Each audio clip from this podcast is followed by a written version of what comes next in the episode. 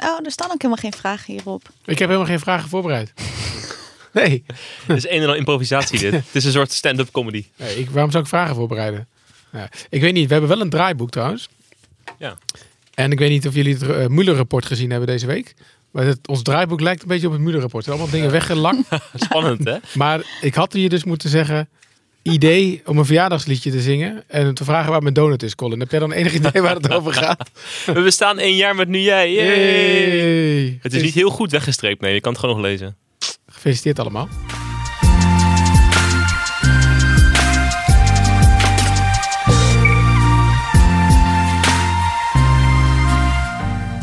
Welkom bij de Week van Nu, de wekelijkse podcast van nu.nl, waarin we de week doornemen. Dit is eigenlijk een beetje onze openbare redactievergadering.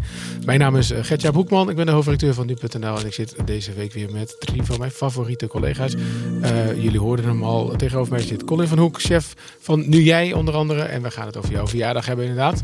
Mijn verjaardag. Absoluut. Naast jou zit Lisa van der Wal. Ja. Dag Lisa. Hallo. Uh, met jou gaan we het hebben over het boek Anne, geschreven door de oom van uh, Anne Faber, Wim Faber. En eigenlijk met name een beetje het media-element wat daarin naar voren ja, komt. klopt. Jij hebt voor ons ook toen die zaak gevolgd. Ja, zeker. Um, dus nou, daar gaan we het over hebben. En links van mij zit een man met, uh, die de hele heel Europa weer door heeft gereisd uh, deze week. Met de meest vervelende baan van heel nu.nl, Riepke Bakker. Ja, ik was in, uh, in Turijn. Het, het, volgende voetbalwonder. We hebben Bernabeu gehad en het houdt maar niet op. Nu, nu Juventus verslagen, Ajax. Heb jij al geboekt naar Londen? Ja, er is geboekt. Uh, keurig. We, komen aan op, uh, op maandag en uh, persconferenties, dinsdag wedstrijd. En woensdag weer naar huis. Mooi man. Daar gaan we het straks allemaal meer over. Eerst een korte terugblik op de afgelopen week. Ja, want maandag brak er brand uit in de Notre-Dame. Uh, iedereen die heeft denk ik die beelden wel, uh, wel gezien. Het uh, dak is volledig verwoest en ook de binnenkant is, is de schade groot. Franse president Macron die zegt dat de kathedraal binnen vijf jaar weer volledig gerenoveerd moet zijn. Daarvoor zijn miljoenen euro's nodig. Nou, de donaties, die, dat hebben jullie ook allemaal kunnen lezen, donaties stromen binnen. Um, ik geloof dat er tot nu toe al zo'n beetje 1 miljard euro is opgehaald. Um, dat is een behoorlijk aantal. Nou, weet je wat het is? Allereerst wil ik daar wel even over zeggen dat het natuurlijk een beetje cru is. Want hè, we weten van die Notre Dame dat hij in bijzonder slechte staat was. Er wordt al heel lang gelobbyd voor geld voor de renovatie van het gebouw. Ik meen dat er iets van 150 miljoen euro nodig was en dat men nog geen derde daarvan bij elkaar kon krijgen. Um, en je ziet, hè, nu, we, nu we zien dat het gebouw bijna weg is, dat het zwaar beschadigd is, wordt in één keer overal de portemonnee getrokken en wordt gezegd van nou, daar moeten we gewoon ontzettend mee, uh, ontzettend mee aan de slag. Ja, dat was Sanne Verquin, kunsthistoricus van de UvA en Universiteit Leiden. Zij zat uh, eerder deze week in onze Dit wordt het nieuws podcast. Bij een busongeval op het uh, Portugese eiland Madeira kwamen 29 mensen om het leven. Het gaat uh, um Duitse Touristen. Vier mensen liggen nog in kritieke toestand in het ziekenhuis. Kurz nach der Abfahrt vom Hotel verunglückt dieser Bus auf der Ferieninsel Madeira. Das Dach auf einer Seite aufgerissen, Insassen aus dem Fahrzeug geschleudert. Die Rettungskräfte sind schnell vor Ort, versorgen die vielen überwiegend schwer Verletzten, bringen sie ins Krankenhaus. Weitere Überlebende sitzen geschockt am Straßenrand. Het Binnenhof moet nodig verbouwd worden. Er zijn al tijden plannen, maar de verbouwing lijkt op een soap te draaien. Architecten worden beticht van grootheidswaanzin. Er is woede over de voorgestelde tropische kantoortuin in de Tweede Kamer. Klinkt wel goed trouwens. En er bestaat uh, grote angst voor kostenoverschrijding van de renovatie. SP'er Sandra Beckerman was boos over het gebrek aan transparantie rondom het project. En tegenover Frits Wester van RTL laat ze een aantal eisen horen. Dat we binnen budget gaan blijven, of in ieder geval dat hij alles op alles zet om dat te doen. Um, ja, ik wil weten met welke architect we nu verder gaan. Gaan we verder met een architect uh, die dit helemaal wil veranderen? Of gaan we verder met nou ja, bijvoorbeeld de architect die dit uh, ontworpen heeft? En zorgen we ook dat wij als uh, politici ook wat te zeggen hebben? Of geven we alle macht uit handen aan architecten en het Rijksvastgoed? Ja, we hadden het net al even over het Rusland-onderzoek um, van Robert Moeder. Die is, daar is um, nu het hele rapport is eigenlijk openbaar gemaakt. We hadden al vier kantjes samenvatting, maar er zijn nu ruim 400 pagina's waar we dit weekend allemaal lekker doorheen kunnen gaan. Um, we krijgen nog een beter beeld van ja, uh, hoe dat nou precies gegaan is. Hè? maar het heeft eigenlijk ook nog wel steeds een heleboel uh, vragen. Hoor. Ik weet niet of jij het hebt gevolgd, Lisa, maar... Mm. De samenvatting, voor zover ik hem hier kan maken, is dat er nu bewezen is in ieder geval dat er inmenging is geweest door de Russen, maar niet per se dat, uh, en dat Trump het onderzoek heeft willen dwarsbomen, maar niet per se dat Trump iets met die inmenging te maken heeft gehad. Volgens mij uh, heb ik diezelfde conclusie getrokken. Nou, hoeven ja. geen 400 pagina's te lezen. the Russian government sought to interfere in our election process. But thanks to the special counsel's thorough investigation, we now know that the Russian operatives who perpetrated these schemes did not have the cooperation of President Trump or the Trump campaign. Or the knowing assistance of any other American for that matter. Ja, laten we naar de gesprekken gaan van of eigenlijk de belangrijkste verhalen van deze week. Lisa, om te beginnen bij jou. Uh, je hebt het boek voor je liggen, Anne. Ja. Uh, geschreven door, uh, door Wim Vader. Dat is de oom van Anne die ook journalist is of was, toch? Nee, nee, het is geschreven door Hans Faber. Oh, sorry. met een nawoord van Wim Faber. Sorry, sorry. Dus Hans is de oom en Wim is de, is de vader. Ja, en hij is wel journalist, toch? Hans Faber is journalist ja. geweest, ja. ja. Ja, precies. Ja, ja ik bedoel, je hebt het boek gelezen voor ons. Wat, wat kan je daarover vertellen? Ja, het, ik vond het erg uh, interessant sowieso. Omdat je eigenlijk pas nu voor het eerst uitgebreid te horen krijgt van hoe die zoektocht was voor de familie. Want je krijgt natuurlijk als, als je deze zaak volgt, uh, krijg je natuurlijk wel de, de hoogte punten, ja, om het zo maar even ja. te noemen, krijg je mee. Nou, um, niet het grote nieuws krijg je eigenlijk mee. Het grote nieuws krijg ja. je mee, maar hoe de familie dat beleefd heeft in de details, uh, heb ik voor het eerst in het boek gelezen. En dat vond ik erg interessant, ja. Wat was nou het meest, meest uh, ja, aangrijpende detail die jij... Uh, ik, ik denk een van, de een van de dingen die mij bijgebleven is, is hoe die jas uiteindelijk gevonden is. Het zit zo, zij was natuurlijk vermist geraakt die vrijdagavond. En uh, toen zijn hele grote groepen vrijwilligers, vrienden, uh, politie zijn gaan zoeken. Um, en uh, die vrijwilligers hadden allemaal, allemaal de opdracht gekregen van blijf, als je iets ziet, blijf op afstand niet aanraken vanwege sporen. Mm. nou, hij heeft op een gegeven moment een groepje vrienden die was klaar met een zoekgebied. Ze hadden alles heel goed onderverdeeld. Die werd, kreeg een nieuw zoekgebied. Nou, daar waren ze aan het lopen. Ze zeiden van, nou, sorry, maar hier gaan we niks vinden. En opeens zagen zij dus de jas daar liggen. En met op die jas bleek dus later dat daar DNA van Michael P. zat. Dus dat heeft uiteindelijk ervoor gezorgd dat hij is opgepakt. Ja, en uh, we hadden het uh, in de intro natuurlijk al een beetje over dat het, uh, er wordt ook wel wat geschreven over de rol van de, van de media. Hoe ja. krijg jij nou een beeld van hoe de familie al die aandacht en alle berichten heeft meege, meegemaakt, meegekregen? Ja, we krijgen vooral nu, omdat ook het nawoord van Wim Faber er is geweest en hij ook um, wat actiever de pers heeft opgezocht. Um, in vergelijking met de moeder en de broer. Uh, krijgen we vooral ook een, een, goed beeld van hoe hij het heeft beleefd. En daar zijn ook echt wel wat opmerkelijke dingen in dat boek over, uh, over geschreven, ja. Ja, en zoals? Wat, wat, wat vond je opmerkelijk? Nou, wat ik het meest opmerkelijke vond was... Uh, bij de, je had op een gegeven moment de zitting tegen Michael P. En wij hebben met, als alle journalisten die daar zitten... ga je gewoon geen pijnlijke details eigenlijk online zetten. Dus we beschrijven wel verkrachting en wat er natuurlijk gebeurd is... maar niet tot in detail. Dus bepaalde dingen laat je achter... En met in het achterhoofd ook van die familie, leest het natuurlijk allemaal. Uh, en in het boek stond eigenlijk dat Wim Faber daar, uh, daar niet blij mee was. Die noemde het uh, censuur en die wilde juist dat mensen wist, wisten hoe verschrikkelijk het eigenlijk was wat er gebeurd was. Ja, want, je, want jij, jij zat toen natuurlijk in de, in de, in de rechtszaal en ja. was je aan het, aan het live bloggen voor ons volgens mij ja, toch? klopt. Um, dat sowieso natuurlijk altijd wel... Um, nou, ja, we zeggen, een bijzondere manier van verslaggeving. Want je, je hebt niet echt veel tijd om te filteren, lijkt mij. Ja. Je hoort dingen en je wil dingen.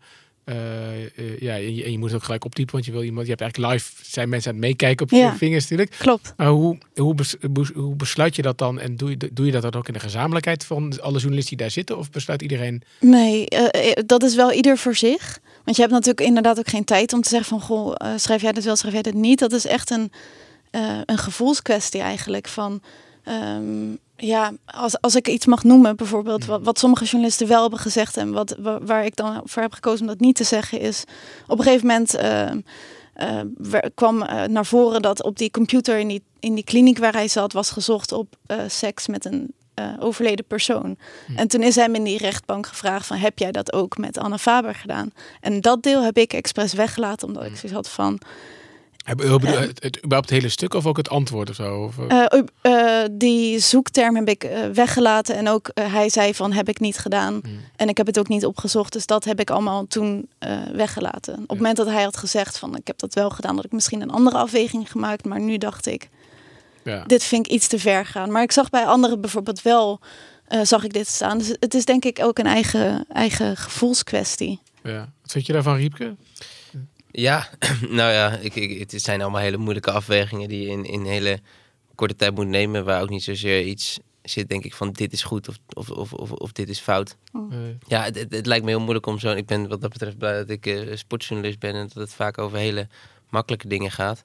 Eh, ja, dat is in zo'n zaak wel anders, ja. Ja, en, en, en we hebben natuurlijk ook ehm, ehm, eh, in de Tweede Kamer natuurlijk het voorval gehad, hè, dat eigenlijk ehm, Theo Hiddema hè, van Forum voor Democratie ervoor koos om die details juist wel te doen. Nou, toen kreeg hij ook best wel wat kritiek in de media, omdat de familie toen wegliep, waardoor misschien een beetje de indruk ontstond dat ze dat niet. Dat ze dat niet wilden. Ja, hij had toen inderdaad, inderdaad details over. eh, Michael Bay is natuurlijk eerder veroordeeld voor eh, twee verkrachtingen van minderjarige meisjes. En die details, eh, eh, details over die gebeurtenis zou hij genoemd hebben. En eh, toen is die familie inderdaad eerder weggelopen. Nou was het ook al wel dat het net voor die pauze was. Dus het, het is allemaal niet helemaal. eh, maar zij zeggen nu toch eigenlijk, nee, eh, Theo Hiddema had gewoon groot gelijk, toch? Dat hij Ja, dat, Wim Faber heeft dat inderdaad ja. ook gezegd. Ja. Ja. Van noem het inderdaad maar. Beschrijf maar hoe, hoe En waarom? En waarom vindt hij dat zo belangrijk? Nou, hij is heel erg bezig met eh, dat dit voorkomen had kunnen worden. Zo heeft hij bijvoorbeeld ook Rinus Otte toen destijds bij de veroordeling van eh, Michael P. eh, die was toen voorzitter van het gerechtshof daar.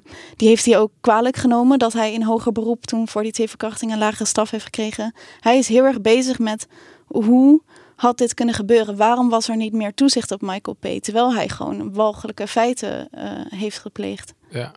En, en nu je dit boek zo gelezen hebt, bedoel, denk jij nu dat je in een volgend geval, of misschien zelfs wel, bedoel, komen natuurlijk nog heel veel zittingsdagen aan. Ga jij, gaan wij ons nu aanpassen aan deze wens? Ik vind dat, ik vind dat nog steeds. eh, ik, ik denk ook dat wij een eh, plicht hebben naar onze lezers toe om de, de allerwalgelijkste dingen gewoon eruit te filteren. Ja.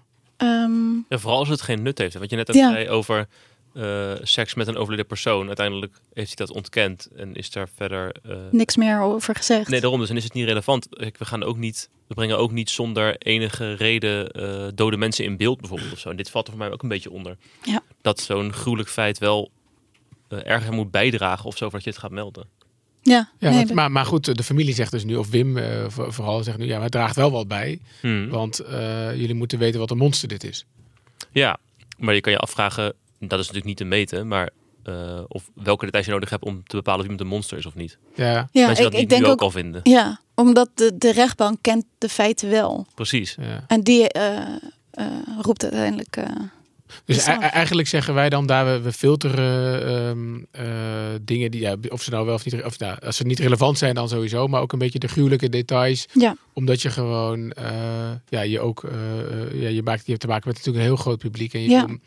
Mensen dan een beetje daar tegen zichzelf in bescherming nemen of zo? Dat, dat denk ik. Ja, ik, ik Ja. denk als je daar zit en eh, je, je hoort ehm, een, een heel uitgebreid verhaal met details over hoe, eh, ja, hoe lang het duurde voordat iemand is doodgebloed. Dat Ja. soort, ja, dat, dat is echt verschrikkelijk om te horen.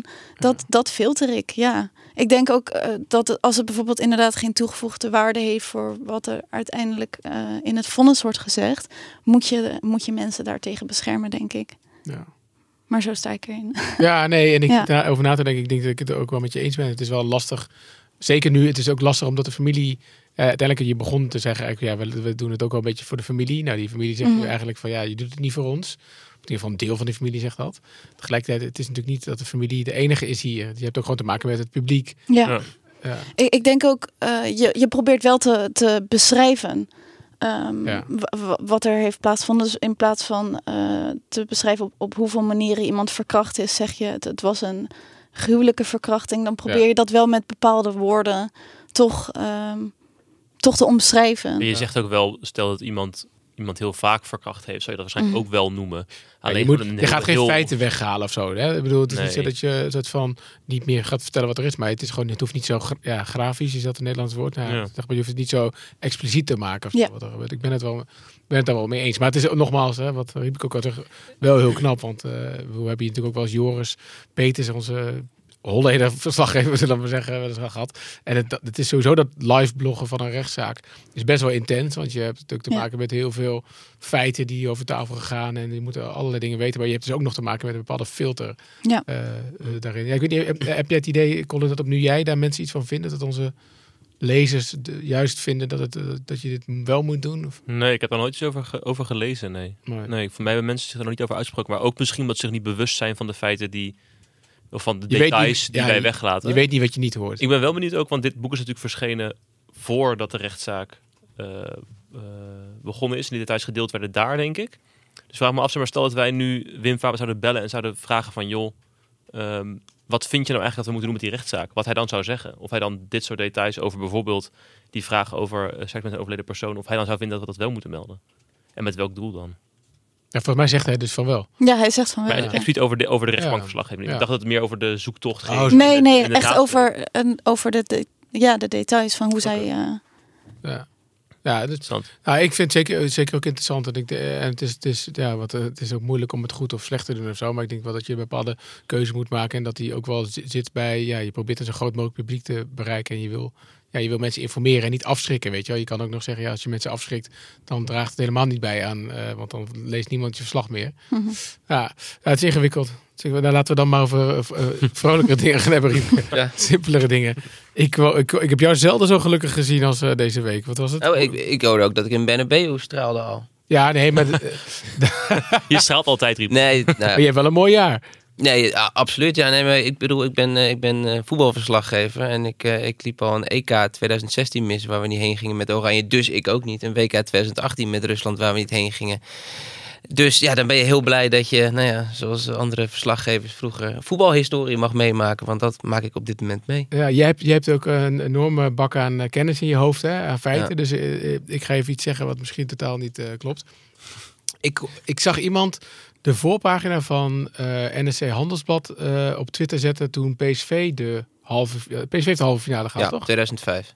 Dit- dat was een soort, nou het was nog net niet een kotje Ja. in de ding, maar het was echt een stuk minder uitbundig dan Ajax. Ja. Was dat toen ook minder, minder uitbundig? Dat was minder uitbundig, omdat we toen uit een minder diep dal kwamen. Het kwam tien jaar na de La Champions League zege van Ajax in 1995. Het kwam eh, acht jaar na de laatste halve finale plaats eh, van Ajax. Sindsdien, eh, er is al een verschil tussen 95 en 2005, maar sinds 2005 is er zoveel veranderd in het voetbal. Eh, zijn de verschillen tussen het Nederlandse voetbal en het Engelse en het Spaanse en het Italiaanse voetbal eh, zo groot geworden dat we eigenlijk met z'n allen hadden geaccepteerd.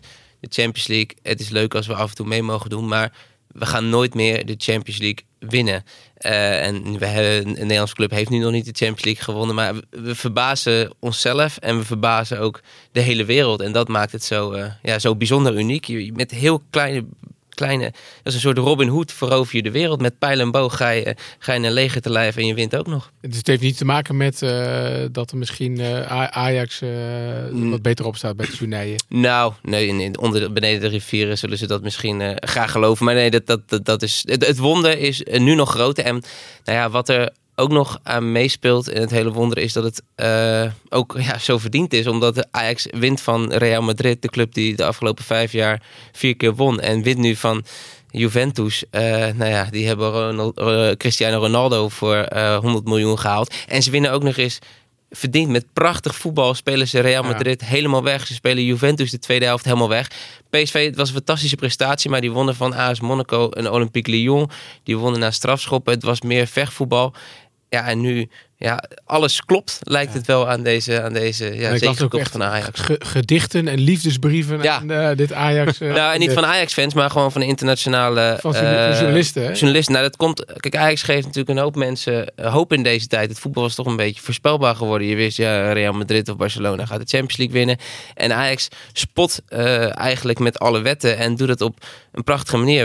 De laatste jaren is vaak de discussie geweest... moet Ajax niet gewoon een sheik binnenhalen die heel veel geld gaat betalen... of moeten niet eh, zichzelf in de schulden steken om, eh, om nog één keertje mee te kunnen doen. Nou, Ajax is kerngezond. Er is geen oliesjeik. Er staan vijf jongens uit eigen jeugd eh, in de basis tegen Juventus. Nou ja, dat, dat zie je nergens. Ook niet bij Barcelona. Die hebben dat stempel nog van, van vroeger, maar die geven tegenwoordig ook 100 miljoen uit.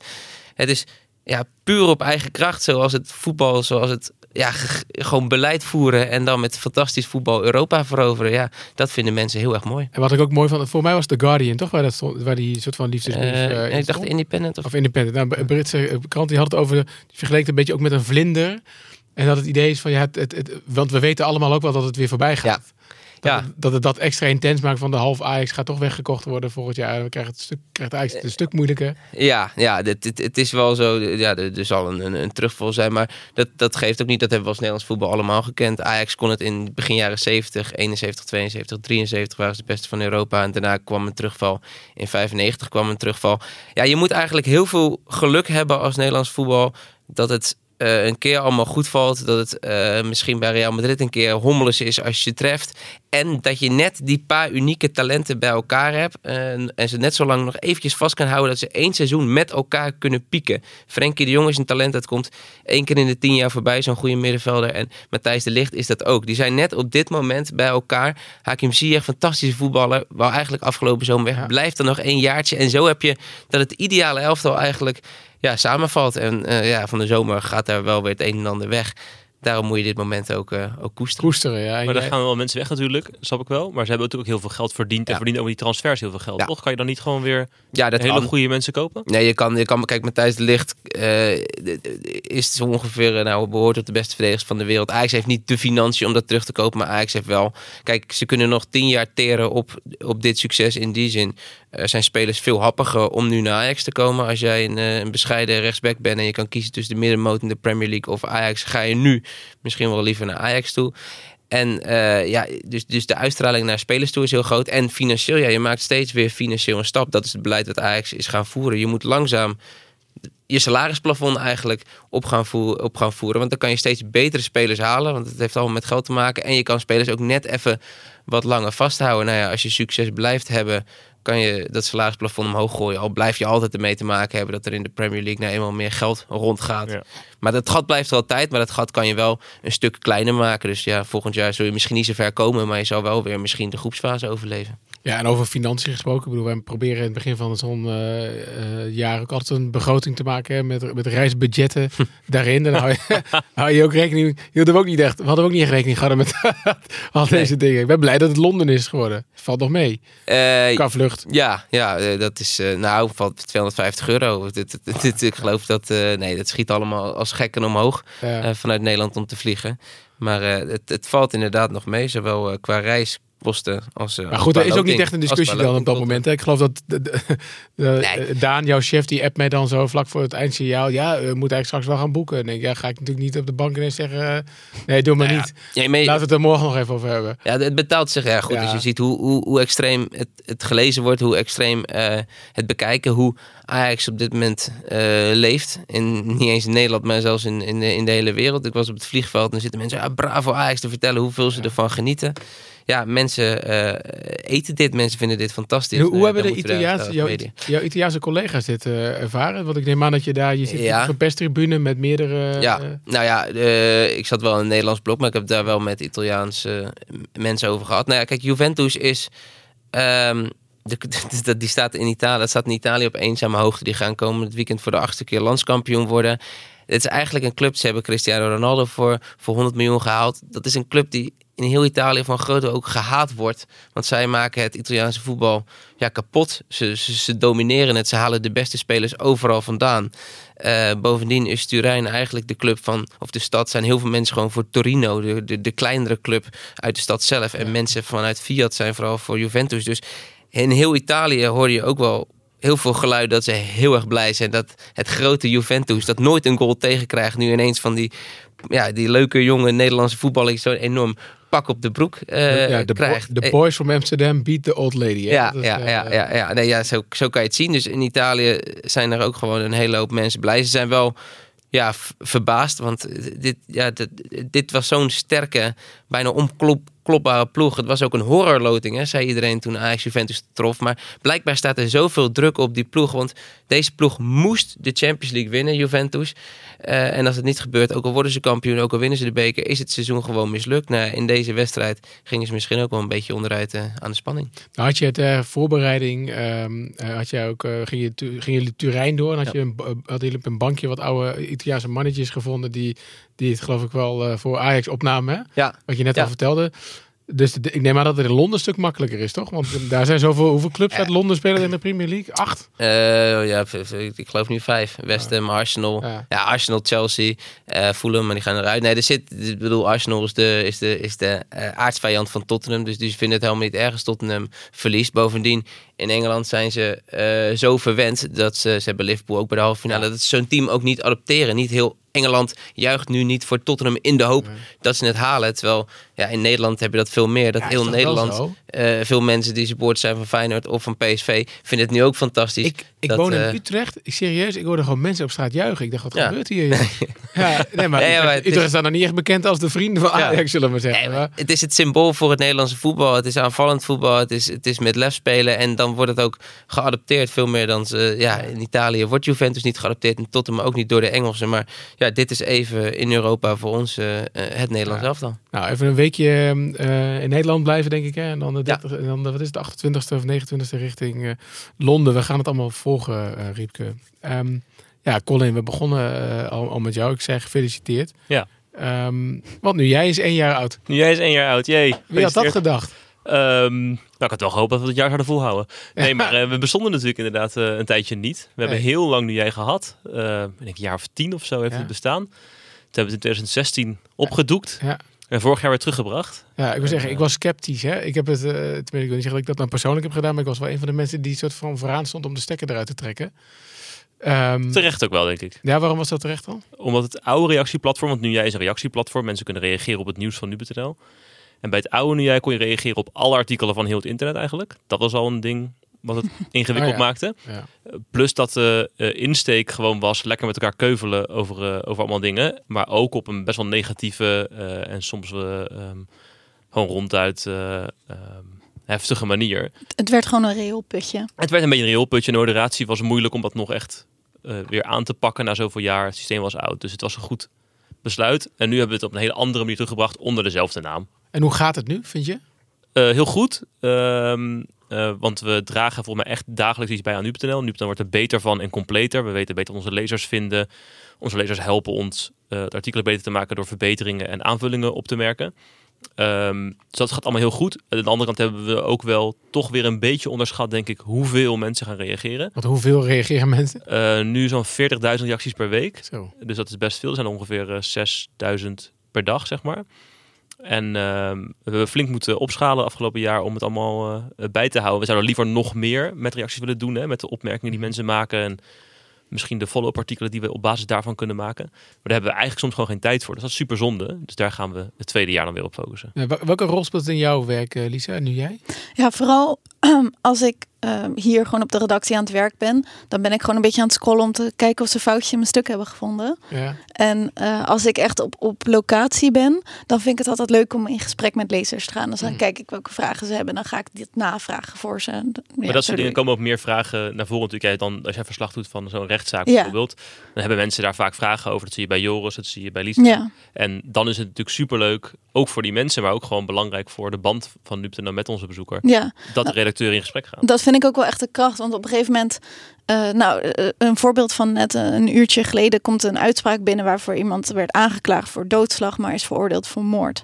Dan krijg je in de, dan denk ik, oh, nou, eh, logisch. Maar in jij vraagt ze, waarom is die straf nou hoger? Dus dan denk ik, oh ja, e- eigenlijk is dat helemaal niet zo logisch. Dat mag je dan gaan uitleg geven aan iemand. En dat is heel fijn aan nu jij is dat je gewoon heel eh, sterk in contact staat met je lezer en wat zij logisch vinden en wat niet. ja. Wat is nou de meest vervelende reactie, Riepke, die je op een stuk van jou hebt gelezen? Nou, er was vroeger een man die heette eh, Broodje Warm Vlees. Tenminste, dat was niet zijn naam. Maar ik- en, en die had toen het nog het afvoerputje had. Elke, toen schreven we nog columns op nu.nl. Want Elke column eh, die ik schreef ging je weer los eh, over mij. Dus eh, ja, ik was nooit zo'n fan van eh, Broodje Warm Vlees. Maar dat, ja, wat ik ook schreef was er tegen. Dus in die zin... Ja. En die mensen heb je nog steeds, dat hou je altijd. En we hebben nu ook iemand, en ik zal de gebruikersnaam hier niet noemen om die persoon geen onnodige aandacht te geven, maar die ehm, discussieert altijd over één onderwerp. En we hebben hem al heel vaak geband. En dit komt ook op andere fora bij nieuwsmedia voor Nederland. Iedereen weet wie deze man is. Tenminste, weet niet wie hij is, maar weet, herkent hem. En onder andere gebruiksnamen, hij logt gewoon. Hij maakt misschien wel tien accounts per dag aan als het nodig is. Hoe vaak je hem ook bent, hij komt weer terug. En hij is heel moeilijk te, eh, uit te, te bannen. En dat soort mensen hou je helaas altijd. Maar gelukkig is dat Ja. echt verreweg eh, de minderheid. Ja, want uh, de, de, meerderheid, of in ieder geval wat je het komende jaar wil gaan doen, is ook, wat je al zei, er nog meer uithalen. Ja. we zijn nu met nu jij groepen volgens mij een beetje aan, aan, aan, het starten. Wat, wat, wat moet dat worden? Nou, dat moet worden dat we eigenlijk poeltjes groepen oprichten met ehm, deskundige lezers. Dus het kan zijn een groep met piloten, een groep met aardbevingsslachtoffers uit Groningen, een, een groep met makelaars. En die mailen wij dan uh, verifiëren of ze dat ook daadwerkelijk zijn. En we mailen ze dan met de vraag van, joh, wil je op dit specifieke stuk dat nu online gekomen is, jouw mening geven? Want het is natuurlijk duizend keer relevanter als een KLM-piloot die zegt over de situatie bij Air France KLM, dan als een boer dat doet. Mm. En andersom is het natuurlijk veel nuttiger als een boer iets laat weten over mislukte oogst of de droogte, dan dat een KLM-piloot dat doet. Ja. Dus we proberen op die manier de reacties veel relevanter te maken en iets laten toe, toe te voegen aan het nieuws eigenlijk. En als ik daarin wil, uh, hoe... In een uh, groep? ja, hoe, nee, zeg maar, hoe, als, als, gewoon als luisteraar van deze podcast, hoe, Ja. wat moet ik doen? Ehm, dan kan je best de even groep mailen. hoofdredacteuren? De groep hoofdredacteuren kan je mailen naar groepen.nu.nl. Ehm, en eh, eh, dan gaan we je daar hopelijk eh, inzetten. Maar de groep hoofdredacteuren bestaat nog niet. Maar misschien Ja, dat kunnen we hem oprichten. Ja, nou ja, we hebben, al, we hebben op zich al een appgroepje. Nee, nee, maar... eh, eh, en, en wat ik ook wel, eh, wel, wel geinig vind, is dat we steeds meer ook soort van eh, vraag- en antwoord sessies houden, toch? Met, met, met deskundigen. Dus is dat iets wat we ook meer willen gaan doen? Graag. Ja, daar moet dan tijd voor zijn natuurlijk. Hè. Maar we doen dus rondom ingewikkelde onderwerpen... proberen we prominente mensen te vinden die daarover willen praten. Dus dan doen we een soort live vragensessie op Nu Jij. We hebben het een keer gedaan over klimaat met Renier van den Berg. We hebben het gedaan over vrouwenemancipatie met Lilian Ploemen, de eh, oud-minister en huidige Kamerlid.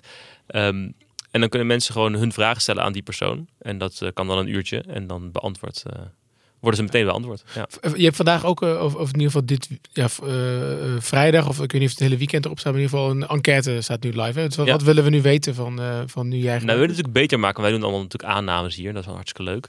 Maar ehm, nu jij bestaat natuurlijk bij de gratie van onze gebruikers. Dus die moeten ook vooral laten weten wat ze ervan vinden. Dus we hebben dan een enquête uitstaan. Dus als je eh, nu jij bezoekt door op het tekstballonnetje bij een artikel te klikken, dan krijg je een pop-up en dan kan je deelnemen aan een enquête. En daar, daarin kan je eigenlijk zeggen wat je vindt, hoe je nu jij gebruikt en wat je vindt dat het beter moet. Oké, nou top. Dus als luisteraars dit horen, d- dat kan, dat kan dus nog steeds. Zeker, ja. En doe het en dan maken we het eh, nog beter voor je. Graag. Top, dank jullie wel voor deze gesprekken. Ehm, ja, en over van nu jij is natuurlijk een klein eh, stap naar de post aan nu.nl.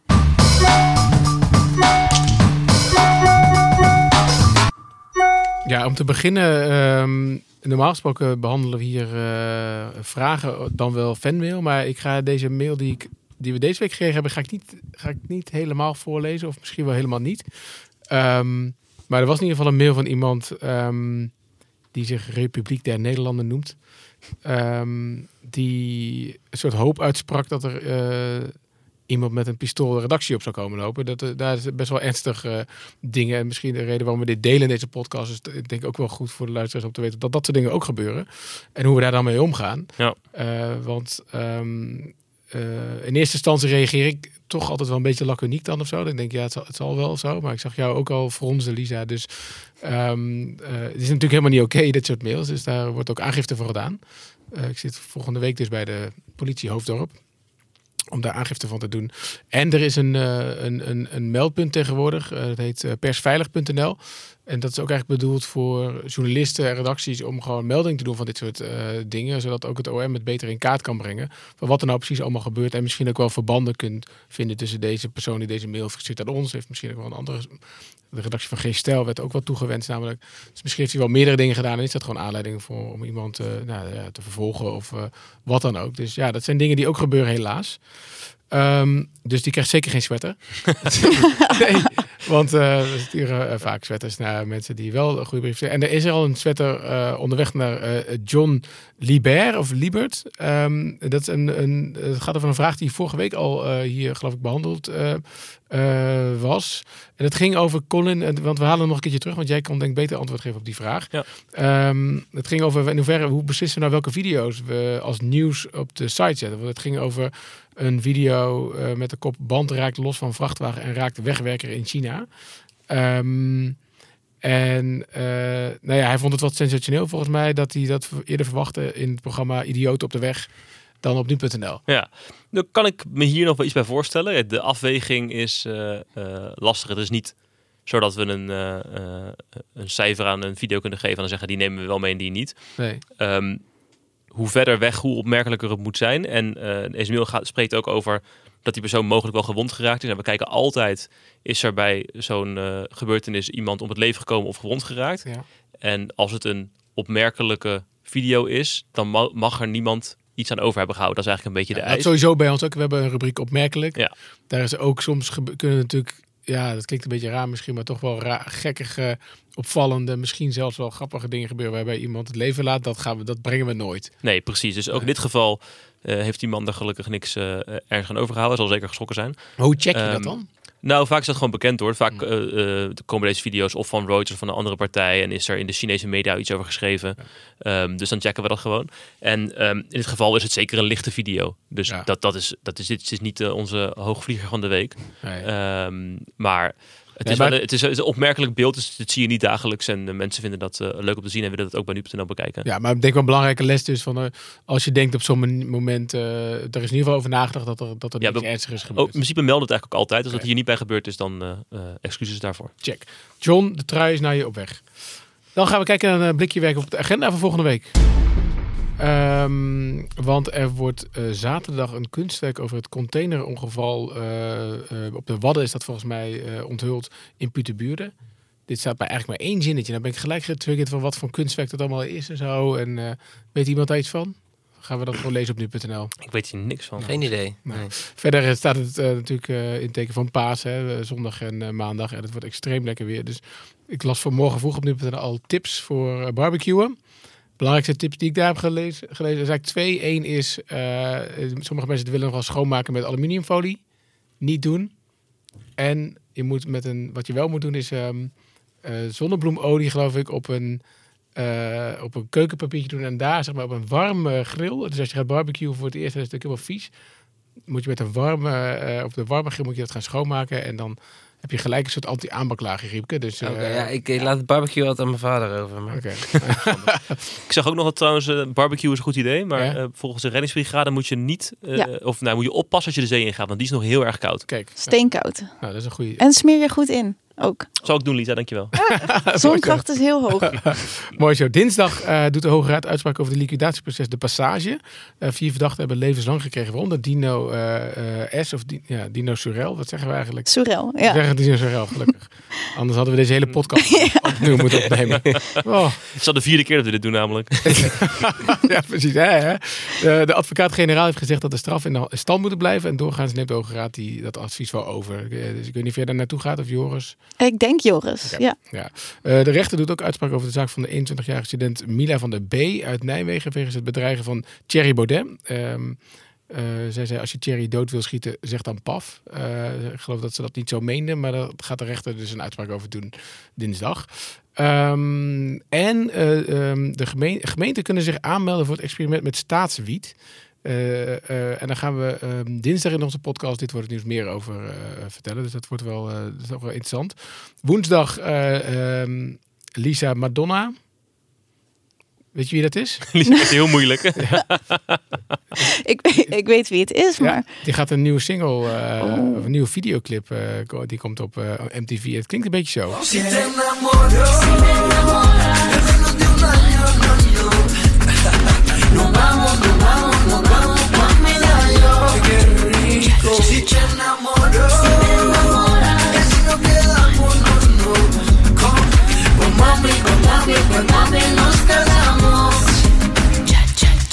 Ja, ik, eh, iedereen zit hier een beetje luisteren naar waar, waar was, zat Madonna in het achtergrondkoortje Ja, ik zo? denk het. Ja. Nog had het elke willekeurige vrouwelijke zangeres kunnen zijn, wat mij betreft. Maar, Ja, ze gaat ook eh, optreden tijdens het Songfestival volgens mij. Dus Madonna is helemaal terug. maar het Ja. is ook heel lang geleden dat ze muziek heeft ge- uitgebracht, toch? Of, Geen idee. Ja, ik zie, zie eh, van den Brink, eh, onze producer, zie knikken. Ja, ze is ook 60.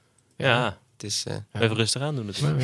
Goed, eh, donderdag ehm, eh, nationale studentenstaking voor het klimaat in Amsterdam. Dat gaat eh, eh, ook gewoon door. En vrijdag dan is het eh, Koningsnacht en vervolgens eh, Koning- Koningsdag. Dus dan eh, eh, ga ik weer met spulletjes om oude meuk verkopen. Ja, zo dat moet ook gebeuren, jongens. Ehm, dat was het, jongens. Hartstikke bedankt, eh Colin en Lisa Riepke, eh, voor jullie mooie verhalen van deze week. En ehm, En ja, uw luisteraar, jij luisteraar, ook hartstikke bedankt. Ehm, heb jij nou uh, vragen over deze podcast of wil je iets anders weten van nu.nl? Mailen kan altijd, podcast.nu.nl. Voor je het weet, als je niet dreigt met het uh, binnenstormen met wapens, uh, krijg je zomaar een sweater opgestuurd. Um, of als je een andere interessante vraag hebt, uh, podcast.nu.nl. Mijn naam is Gertja Boekman, ik ben de hoofdredacteur van nu.nl. En wil je nou deze podcast elke week horen, dan moet je je abonneren op de Dit Wordt Het Nieuws podcast. Dan krijg je er gratis uh, uh, elke dag van de week om 6 uur s ochtends een podcast van een kwartier... waarin we je bijpraten over het laatste nieuws en het nieuws van de dag bij. En op vrijdag dan dit uitsmijtertje, deze openbare redactievergadering van nu.nl. Um, maandag zijn we er niet. Carné en Julien gaan dan samen paaseieren zoeken ergens. Dus die, er is geen podcast. Dinsdag zijn we er weer gewoon om 6 uur op de voorpagina van nu.nl. Iedereen een hartstikke prettig weekend.